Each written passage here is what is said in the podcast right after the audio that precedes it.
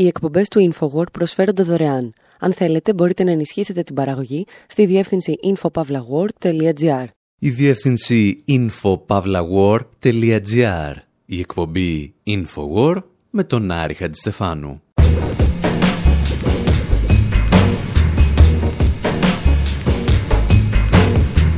όπου σήμερα αναρωτιόμαστε εάν η τέχνη θα σκοτώσει τον καπιταλισμό ή ο καπιταλισμός θα αγοράσει την τέχνη. Παρακολουθούμε τον Banksy να καταστρέφει ένα έργο του διπλασιάζοντας την εμπορική του αξία και ύστερα τον βλέπουμε να αλλάζει τους κανόνες στην παγκόσμια αγορά δημοπρασιών. Κλείνουμε δωμάτιο μαζί του στο ξενοδοχείο με την πιο άσχημη θέα στον κόσμο και χαζεύουμε έναν τοίχο.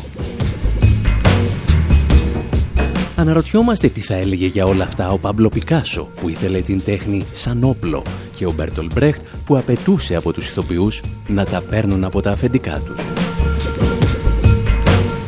Συζητάμε δηλαδή για την τέχνη του δρόμου και την τέχνη του πεζοδρομίου ακούγοντας τραγουδάκια γραμμένα για τον Μπάνξι.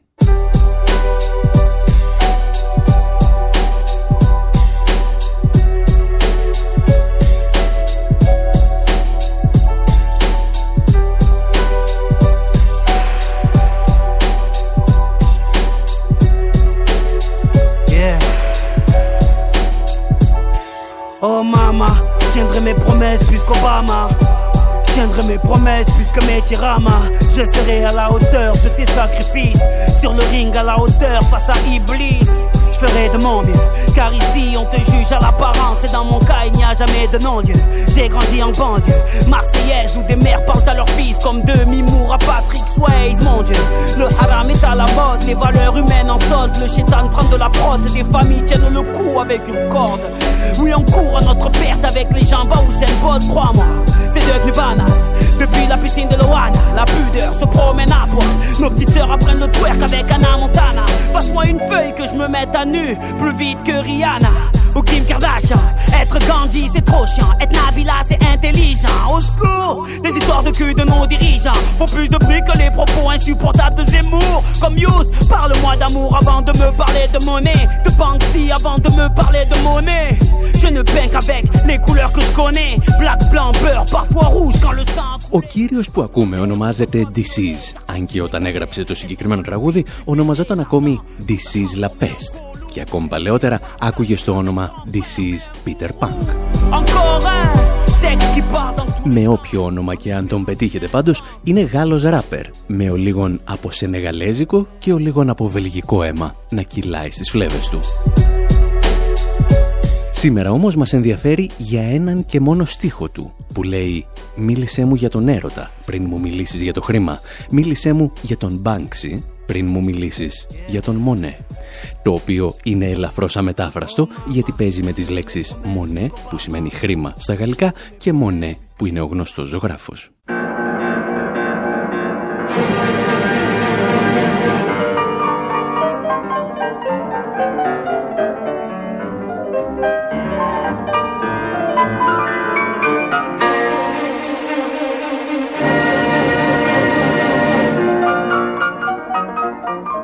Η άγνωστη χρήσιμη λεπτομέρεια για τον Μονέ είναι ότι πριν από ακριβώς 150 χρόνια, δηλαδή το 1868, επιχείρησε να αυτοκτονήσει. Και ο λόγος ήταν ότι δεν μπορούσε να πουλήσει ούτε έναν καταραμένο πίνακα. 140 χρόνια όμως μετά την αποτυχημένη απόπειρα αυτοκτονίας του, δηλαδή το 2008, ένα έργο του πουλήθηκε στην τιμή ρεκόρ των 44 εκατομμυρίων ευρώ. Αντίθετα, τα έργα του Μπάνξι πουλάνε ήδη σαν ζεστό ψωμί, εδώ και τουλάχιστον μία δεκαετία. Και ο ίδιος, αντί να αυτοκτονήσει, σκέφτηκε να αρχίσει να τα καταστρέφει. Θα ακούσατε προφανώς την είδηση, αλλά σας την μεταφέρουμε και πάλι για να την εμπεδώσετε. British graffiti artist Banksy's gallery painting of the iconic girl with balloon selling to a Το περίφημο έργο του Βρετανού καλλιτέχνη Banksy, το κορίτσι με τον μπαλόνι, πουλήθηκε σε ιδιώτη συλλέκτη από τον ήχο Sotheby's στην εξωπραγματική τιμή του 1,4 εκατομμυρίου δολαρίων. Ακόμη πιο σοκαριστικό είναι αυτό που συνέβη μερικά δευτερόλεπτα αργότερα. Αρχικά ακούστηκε ο ήχος ενός συναγερμού και αμέσως ο καμβάς αυτοκαταστράφηκε μέσα στην κορνίζα του. Οι παρευρισκόμενοι κοιτούσαν με έκπληξη καθώς το έργο εμφανίστηκε στο κάτω μέρος του κάδρου κομματιασμένο σε λωρίδες. Ο οίκος Σόθβη, που δεν γνώριζε τι θα συμβεί, ανέφερε σε ανακοίνωσή του. Όπως φαίνεται, την πανκτήσαμε.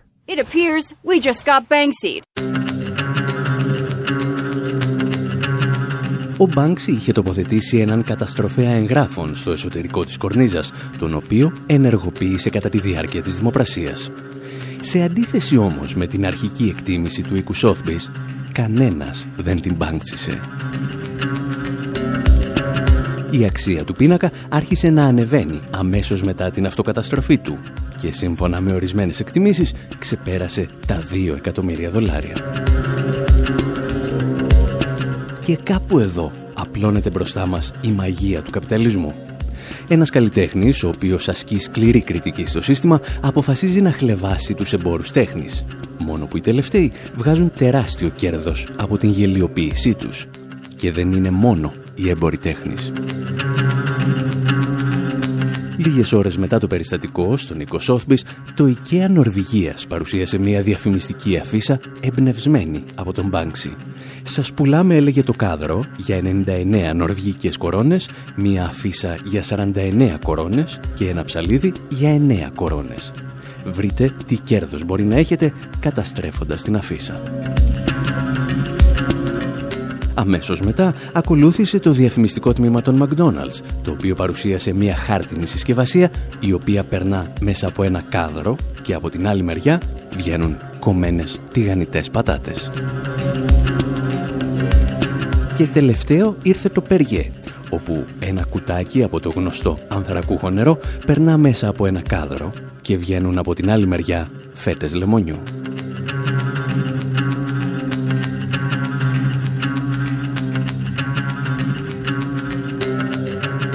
Λίγες ώρες μετά το περιστατικό στον Νίκο Σόθμπης, η σκηνοθέτηδα Ζωή Μαυρουδή έγραψε ένα εξαιρετικά ενδιαφέρον σχόλιο στο Facebook, το οποίο αναδημοσιεύσαμε και στη σελίδα μας info.pavlaword.gr.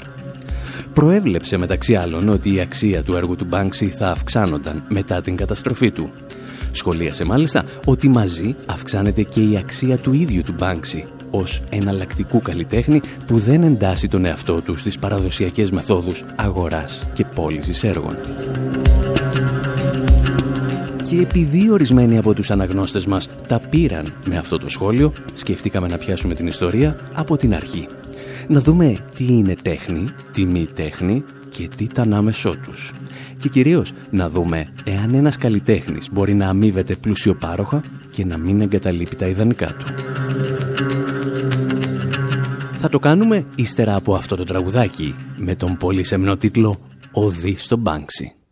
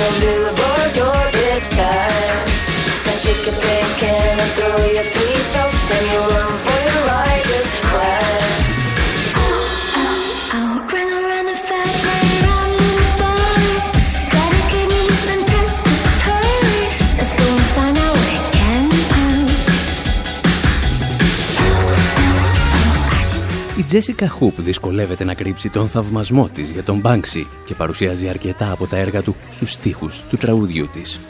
Μιλά για τον Κουστό και υποθέτουμε αναφέρεται στο ζευγάρι με τα σκάφανδρα που αποτέλεσε και εξώφυλλο του άλμπουμ των Μπλερ. Τραγουδά για βομβιστές αυτοκτονίας, για αντάρτες με μπαλακλάβες και για όπλα συμβατικά και πυρηνικά που έχουμε δει πολλές φορές στα έργα του Μπάνξι. Κυρίως όμως η Τζέσικα Χουπ ζητά από τον Μπάνξι να κρατήσει την ανωνυμία του. Να μην δεχτεί δηλαδή ότι είναι ο Ρόμπι Γκάνιχαμ από τον Μπρίστολ, όπως υποστηρίζουν αρκετοί δημοσιογράφοι. Ή μήπως δεν έπρεπε να το πούμε αυτό. Η αλήθεια είναι ότι γνωρίζουμε για τον Μπάνξι αυτά που ο ίδιος θέλει να γνωρίζουμε. Το 2007, σε μία από τις πρώτες εκπομπές του Infowar, είχαμε ακούσει για πρώτη φορά τον ίδιο να μιλά με παραμορφωμένη φωνή. Ήταν μια κασέτα που είχε στείλει σε μια Βρετανή δημοσιογράφο με ορισμένες βασικές πληροφορίες για τον εαυτό του. Δεν μου αρέσει να προσελκύω την προσοχή και είμαι άσχημος. Άρχισα να σχεδιάζω γκράφιτι όταν ήμουν 14 χρονών. Ξεκίνησα τα stencil γιατί ήμουν πολύ αργός όταν ζωγράφιζα. Με τα stencil μπορείς να φτιάξεις ένα σχέδιο με αρκετές λεπτομέρειες μέσα σε 30 δευτερόλεπτα και να την κάνεις. Πιστεύω ότι αν είναι να καταστρέψεις τόση ξένη περιουσία, καλό είναι να είσαι αφοσιωμένος σε αυτό που κάνεις. Θα ήταν αγένεια να κάνεις προχειροδουλειά. Εάν έχω προβλήματα με την εξουσία, υποθέτω πως ναι. Ζωγραφίζω μπάτσους ως σύμβολα. Οι ίδιοι δεν με αφορούν.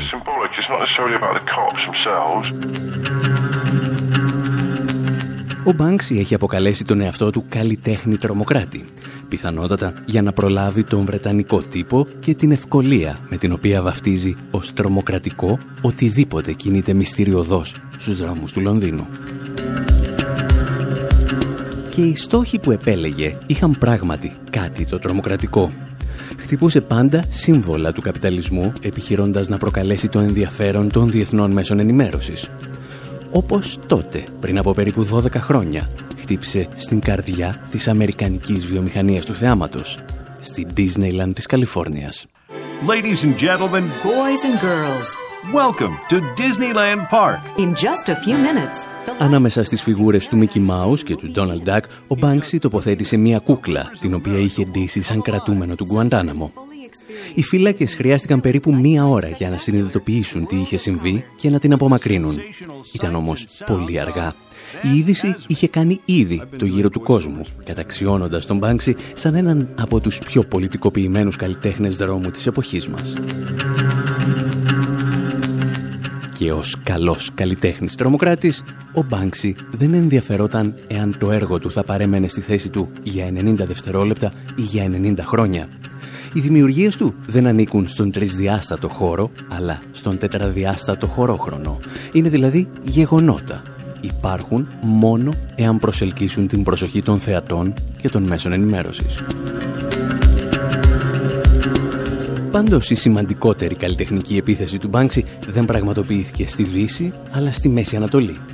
Ταξίδεψε μέχρι τα Παλαιστινιακά εδάφη για να αποτυπώσει στις δημιουργίες του το τείχος της ντροπής τις οχυρωματικές εγκαταστάσεις που κατασκεύαζε το Τελαβίβ κατά παράβαση κάθε έννοιας διεθνούς δικαίου.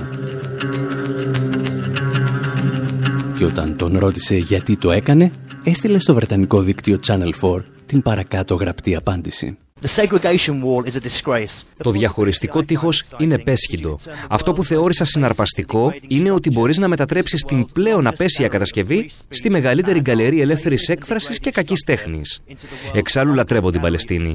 Η γιγαντιαίοι τείχη, η βρωμιά και τα μαγαζιά που πουλάνε φαλάφελ θυμίζουν τον Glastonbury.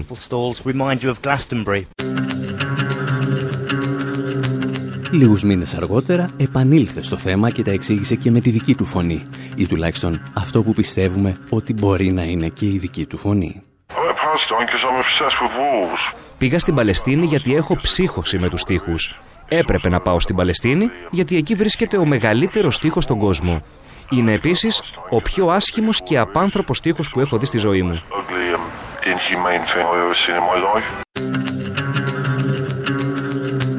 Μερικές φορές βέβαια ο αραβικός κόσμος αντιλαμβάνεται τα πράγματα ελαφρώς διαφορετικά. όπως μας εξηγούσε τότε και το σχετικό ρεπορτάζ του Channel 4.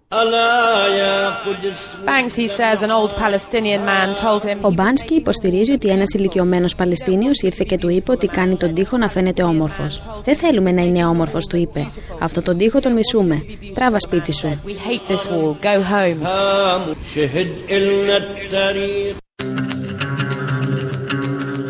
Αυτές όμως ήταν ιστορίες που λέγαμε και πριν από μία δεκαετία για τον Μπάνξι στην ίδια εκπομπή. Έκτοτε, τα έργα του Βρετανού καλλιτέχνη άρχισαν να πολλούνται για μερικές εκατοντάδες χιλιάδες δολάρια, φτάνοντας όπως είδαμε ακόμη και το 1,5 εκατομμύριο. Και το ερώτημα είναι, τα παίρνει ο Μπάνξι; Και αν τα παίρνει, εμάς μας πειράζει, εάν θεωρούμε ότι δεν επηρεάζει τη δουλειά του; Ή μήπως η δουλειά του είναι πλέον να τα παίρνει και εμείς να πιστεύουμε ότι δεν επηρεάζεται; Σκέψεις και όχι απαντήσεις ύστερα από ένα μικρό διάλειμμα με τους Massive Attack. Για όλους αυτούς που για χρόνια πίστευαν ότι ο Μπάνξι ήταν ένας από τους τραγουδιστές του συγκροτήματος, ο 3D.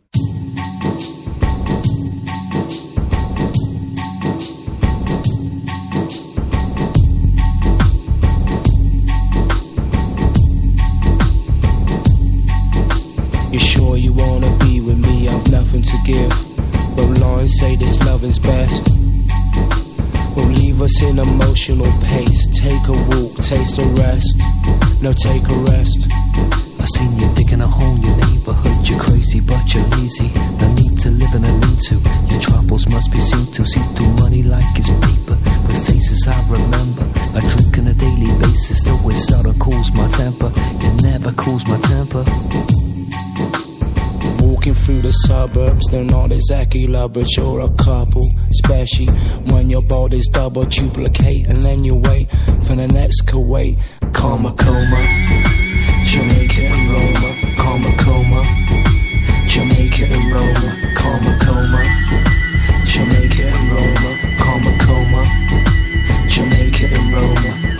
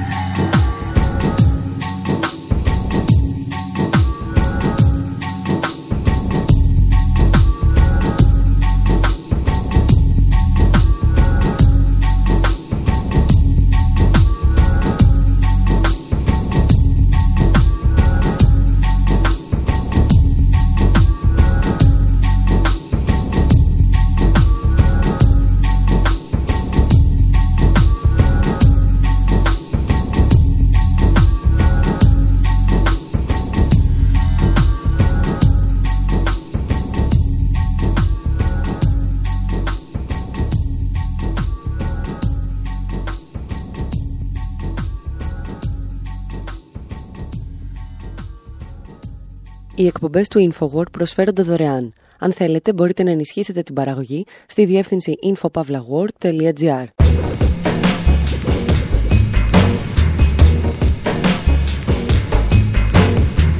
Εκπομπή InfoWord, συνέχεια.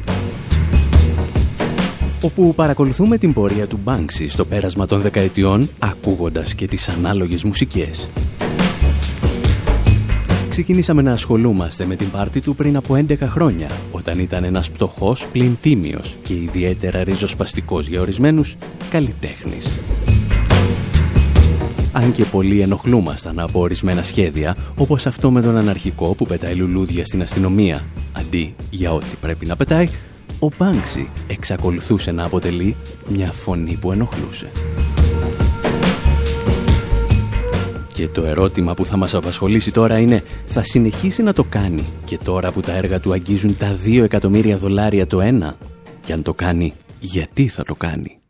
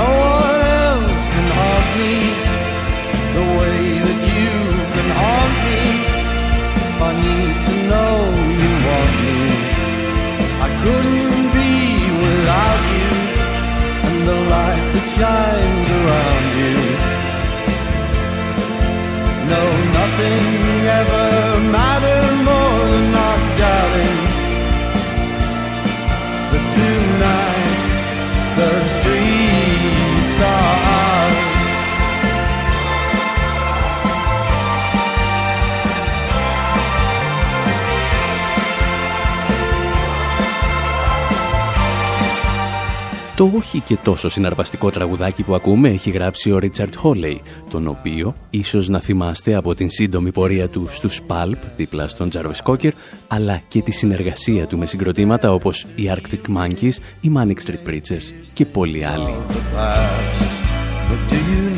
Εμάς μας ενδιαφέρει γιατί ήταν το soundtrack της ταινίας του Banksy με τίτλο Exit Through the Gift Shop εκείνο το μαγαζάκι που για πολλούς είναι το πιο συναρπαστικό σημείο σε κάθε μουσείο και σε κάθε μεγάλη έκθεση τέχνης. Το πρόβλημα με τον Banksy ήταν ότι ενώ πάντα κορόιδευε όσους προτιμούσαν το μαγαζάκι του μουσείου από το ίδιο το μουσείο, τα δικά του έργα κατέληγαν πολύ συχνότερα στα μικρά και τα μεγάλα μαγαζάκια αυτού του κόσμου. Σε ορισμένες περιπτώσεις μάλιστα, ο ίδιος δεν είχε ιδέα για το πού και πώς πολλούνταν τα έργα του. Όπως εκείνη τη φορά που κάποιοι κατέβασαν έναν τοίχο από την πολυκατοικία τους, στην οποία είχε δημιουργήσει κάτι ο Μπάνξι και προσπαθούσαν να το πουλήσουν σε όλο τον κόσμο. Τα εξηγούσαν οι δημοσιογράφοι του δικτύου Bloomberg. The people who owned the building realized that this was a very high value object and they put it into an auction um, in Florida. Οι ιδιοκτήτες του κτηρίου συνειδητοποίησαν ότι πρόκειται για ένα αντικείμενο πολύ μεγάλης αξίας. Αποφάσισαν λοιπόν να το δημοπρατήσουν στη Φλόριντα. Υπήρξε όμως μεγάλη αντίδραση, καθώς ο κόσμος πιστεύει ότι ο Μπάνξι προσφέρει τα έργα του δωρεάν στην κοινωνία. Οι ιδιοκτήτες όμως υποστήριξαν ότι είχε παρανομήσει, ζωγραφίζοντας το κτίριό τους και συνεπώς αυτοί είχαν το νόμιμο δικαίωμα να το πουλήσουν. Τελικά η δημοπρασία κυρώθηκε, αλλά στη συνέχεια μεσολάβησε ένας αγοραστής εργοτέχνης και κανόνισε να πουληθεί στο Λονδίνο. Η πόλη θα γινόταν σε ιδιωτική εκδήλωση χωρίς δημόσια δημοπρασία. Για να γίνει η δημοπρασία θα έπρεπε να έχει υπάρξει σχετική βεβαίωση από τον Μπάνξι, η οποία όμως δεν δόθηκε ποτέ. Συνήθως όταν ένα έργο δεν έχει βεβαίωση από τον δημιουργό, θεωρούσαμε ότι δεν υπάρχει αγορά γι' αυτό. Το συγκεκριμένο περιστατικό όμως απέδειξε ότι πλέον υπάρχει αγορά και για τέτοια έργα.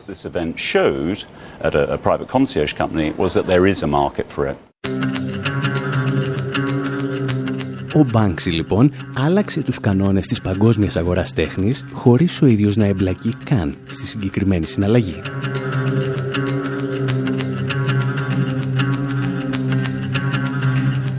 Και δεν ήταν μόνο η αγορά τέχνης που άλλαξε, αλλά και η αγορά κατοικίας.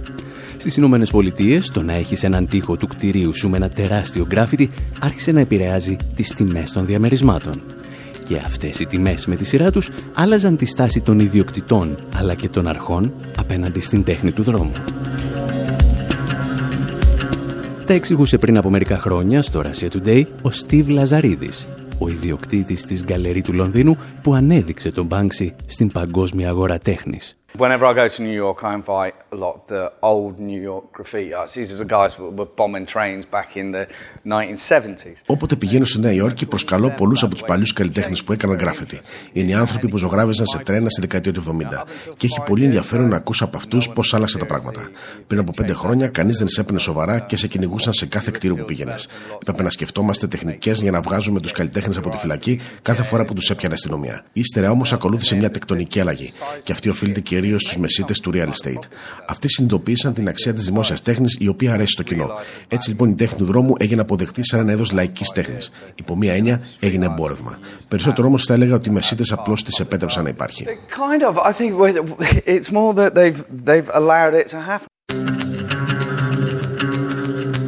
Τα έργα λοιπόν του δρόμου αλλάζουν την τιμή του δρόμου, ειδικά στις λεγόμενες gentrified περιοχές. Εκεί δηλαδή που πετάς τους παλιούς ιδιοκτήτες στα σκουπίδια και γεμίζεις με δικαιωματικούς φιλελεύθερους καλλιτέχνες που συνήθως διαθέτουν και ιδιαίτερα λεφτά αισθήματα. Τι γίνεται όμως όταν ο δρόμος που έχει πάντα τη δική του ιστορία αρχίζει να γράφει εντός πολλούνται πάσης φύσεως υλικά. Δηλαδή, τι συμβαίνει όταν οι καλλιτέχνες του δρόμου μπαίνουν στις γκαλερί; ever since my early days with Banksy, it was, you know, how can this be, be in, in a gallery? How can these guys make money out of what they do? Surely should only ever exist. Από τις πρώτες μου ημέρες με τον Banksy, ο κόσμος ρωτούσε πώς μπορούν αυτά τα έργα να βρίσκονται σε μια γκαλερί. Πώς γίνεται αυτοί οι άνθρωποι να βγάζουν χρήματα από αυτό που κάνουν; Θα πρέπει, έλεγα, να υπάρχουν μόνος στου δρόμους. Το δικό μου επιχείρημα ήταν ότι αν αυτοί οι τύποι δεν μπορούσαν να βγάλουν χρήματα από αυτό που κάνουν, τότε οι μόνοι που θα μπορούσαν να κάνουν γκράφετι θα ήταν οι γη και οι κόρες των πλούσιων και των διάσημων. Οι άνθρωποι αυτοί πρέπει να κερδίζουν κάτι για τη δουλειά τους και δεν νομίζω ότι αλλοιώνει το μήνυμά τους. Αυτό που συμβαίνει είναι ότι αποκτούν την ελευθερία να κάνουν όλο και πιο επικά έργα.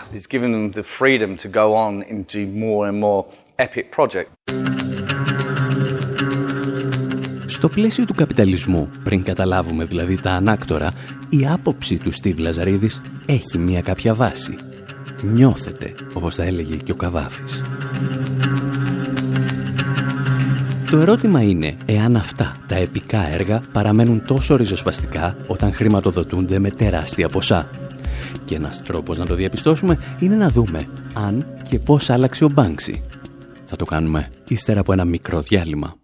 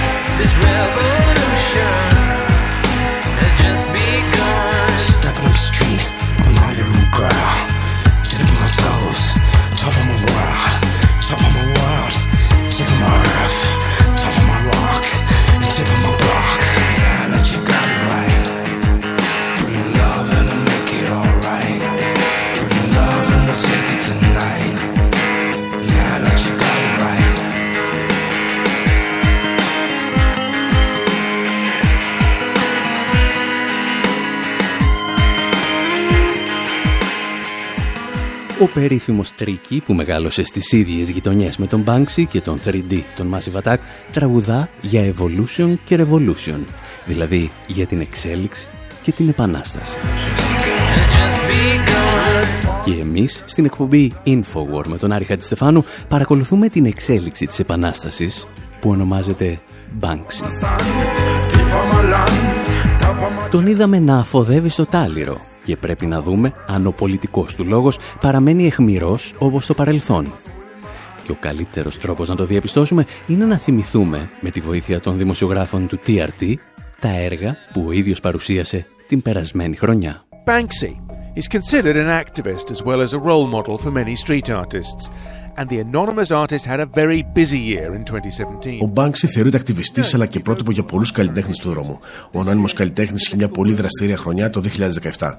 Ποτέ δεν δίσταζε να εκφράζεται για τα ζητήματα της επικαιρότητας, αλλά αυτή τη χρονιά τα πολιτικά του έργα άγγιξαν ένα νέο επίπεδο. Στην αρχή της χρονιάς εγκαινιάστηκε το ξενοδοχείο του στην κατηλημένη Δυτική Όχθη, το οποίο έχει θέα το τείχος των Ισραηλινών. Είναι ένα ξενοδοχείο, όπως λέει, με τη χειρότερη θέα στον κόσμο. Και φυσικά τα δωμάτια είναι διακοσμημένα με έργα του Μπάνξι.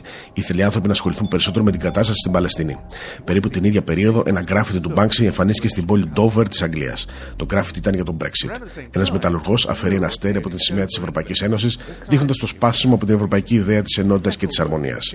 Τον Ιούνιο, ο Banksy πρόσφερε δωρεάν ένα αντίγραφο από ένα έργο του σε όσους θα ψήφιζαν ενάντια στο συντηρητικό κόμμα. Όμως η Επιτροπή των Εκλογών προειδοποίησε ότι η πράξη του θα μπορούσε να κυρώσει τα αποτελέσματα των εκλογών. Οπότε απέσυρε την προσφορά, αλλά κοινοποίησε στα μέσα κοινωνικής δικτύωσης ένα έργο του για το αποτέλεσμα των εκλογών. Θεωρείται ότι απεικόνιζε την πολιτική ήττα της Τερέζα Μέη.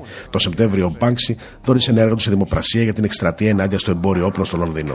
Χαρακτηρίζει το εμπόριο όπλων σαν ηθική κατάπτωση. Με έργα του το 2017, ο Μπάνξι ενίσχυσε τη φήμη του ως πολιτικού καλλιτέχνη που χρησιμοποιεί το ταλέντο του για να διαμαρτυρηθεί ενάντια στη βία.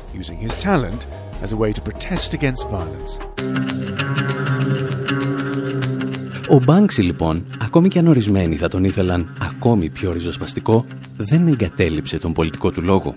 Και το μεγαλύτερο τεστ είναι πάντα η στάση που κρατάς απέναντι στα εγκλήματα του κράτους του Ισραήλ. Εκεί όπου οι αντιδράσεις ορισμένων λόμπι έχουν καταστρέψει καριέρες. Ο Μπάνξι, όπως ακούσατε, συνέχισε την σκληρή κριτική στο Ισραήλ, δημιουργώντας ένα ξενοδοχείο στην κατεχόμενη Δυτική Όχθη, με θέα το τείχος της ντροπής. Η αλήθεια είναι ότι ορισμένοι Παλαιστίνοι δεν κατάλαβαν την ηρωνία και θεώρησαν και πάλι ότι με το έργο του νομιμοποιεί το καθεστώς της στρατιωτικής κατοχής.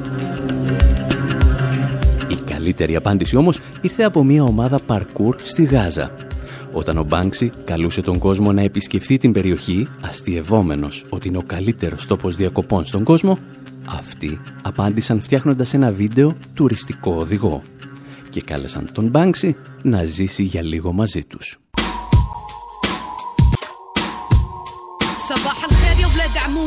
تفضلوا شرفونا شو بتحب مضيفكم دم عربي ولا الدموع من عيوننا بعتقد هيك تأملوا نستقبل من هيك تعقدوا لما تدركموا على غلطة من Yes, Banksy, Captain's government state of Gaza. My name ναι, is Banksy, έλα να ανακαλύψει τη Γάζα.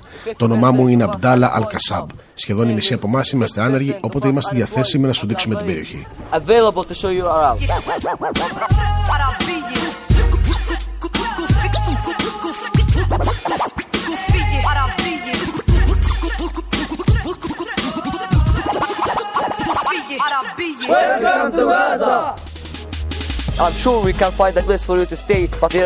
Καλώς ήρθατε στη Γάζα. Σίγουρα μπορούμε να σου βρούμε ένα μέρος να μείνεις. Περίπου 12.000 άνθρωποι όμως εδώ στη Γάζα χρειάζονται στέγη. Δυστυχώς δεν μπορούμε να ξαναχτίσουμε τίποτα γιατί δεν εισάγονται οικοδομικά υλικά. We have a lot of friends and neighbors around us. Uh, uh, Έχουμε και πολλούς φίλους και γείτονες γύρω μας που μας παρακολουθούν συνεχώς. Το ρεύμα κόβεται και ξανά έρχεται. Στη Γάζα πρέπει να έχουμε υπομονή για όλα. Μπορούμε να σου προσφέρουμε ψωμί και νερό. Βέβαια, το περισσότερο νερό εδώ δεν είναι πόσιμο και το εφιαλωμένο είναι πάρα πολύ ακριβό. Αλλά με χαρά θα το μοιραστούμε μαζί σου.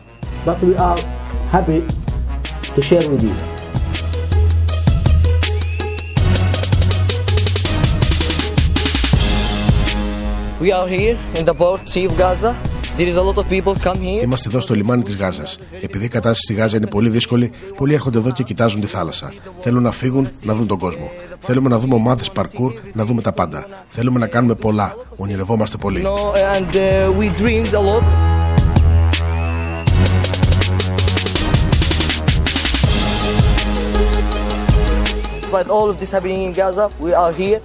Παρ' όλα αυτά, εμείς είμαστε εδώ και είμαστε δυνατοί. Ελάτε να μας ανακαλύψετε. Κάντε τη Γάζα τον προορισμό σας.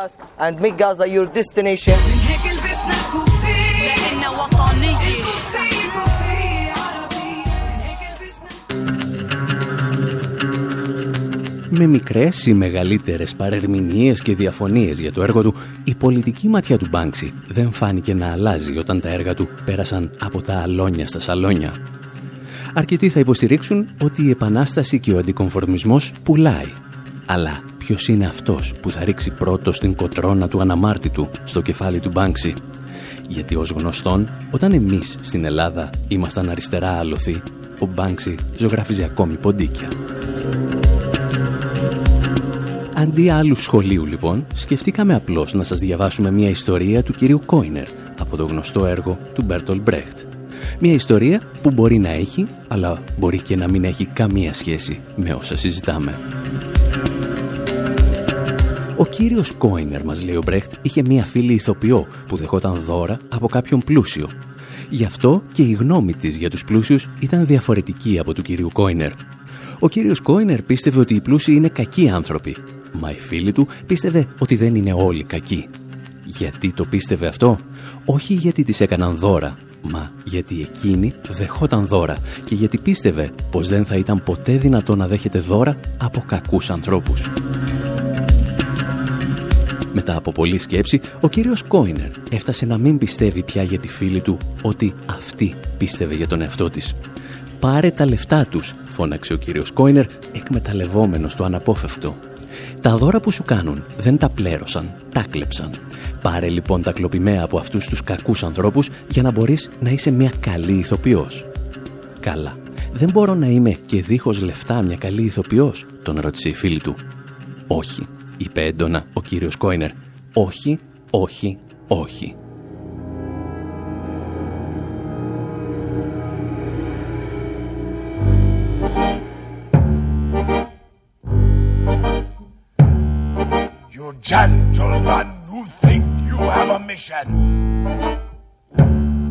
To purge us of the seven deadly sins should first sort out the basic food position, then start your preaching. That's where it begins. Κάπου εδώ όμως και η σημερινή μας ιστορία φτάνει στο τέλος της. Εσείς ξέρετε ότι μπορείτε να βρίσκετε όλες τις εκπομπές μας στη διεύθυνση info.pavlawar.gr Μέχρι την επόμενη εβδομάδα, από τον Άρη Χατζηστεφάνου στο μικρόφωνο, την Μυρτώ Σιμεωνίδου στις μεταφράσεις και τον Δημήτρη Σταθόπουλο στην συνολική τεχνική επιμέλεια, γεια σας και χαρά σας.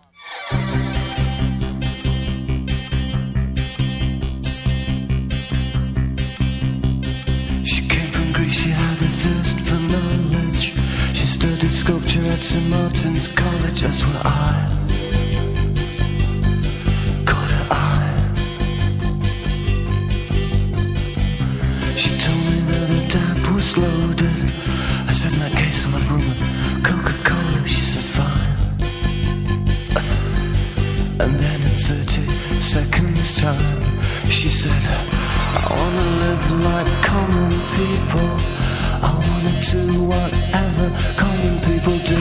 I wanna sleep with common people. I wanna sleep with common people like you. What else could I do? I said, oh, I'll see what I can do. I took her to a supermarket. I don't know why, but I had to start it somewhere so it started there. Said, pretend you got no money. And she just laughed and said, oh, you're so funny. I said, yeah. I can't see anyone else smiling. Are you sure? You wanna live like common people. You wanna see whatever common people see. Wanna sleep with common people. You wanna sleep with common people like me. But she didn't. And she just smiled and held my hand I went and flashed above the I cut your head.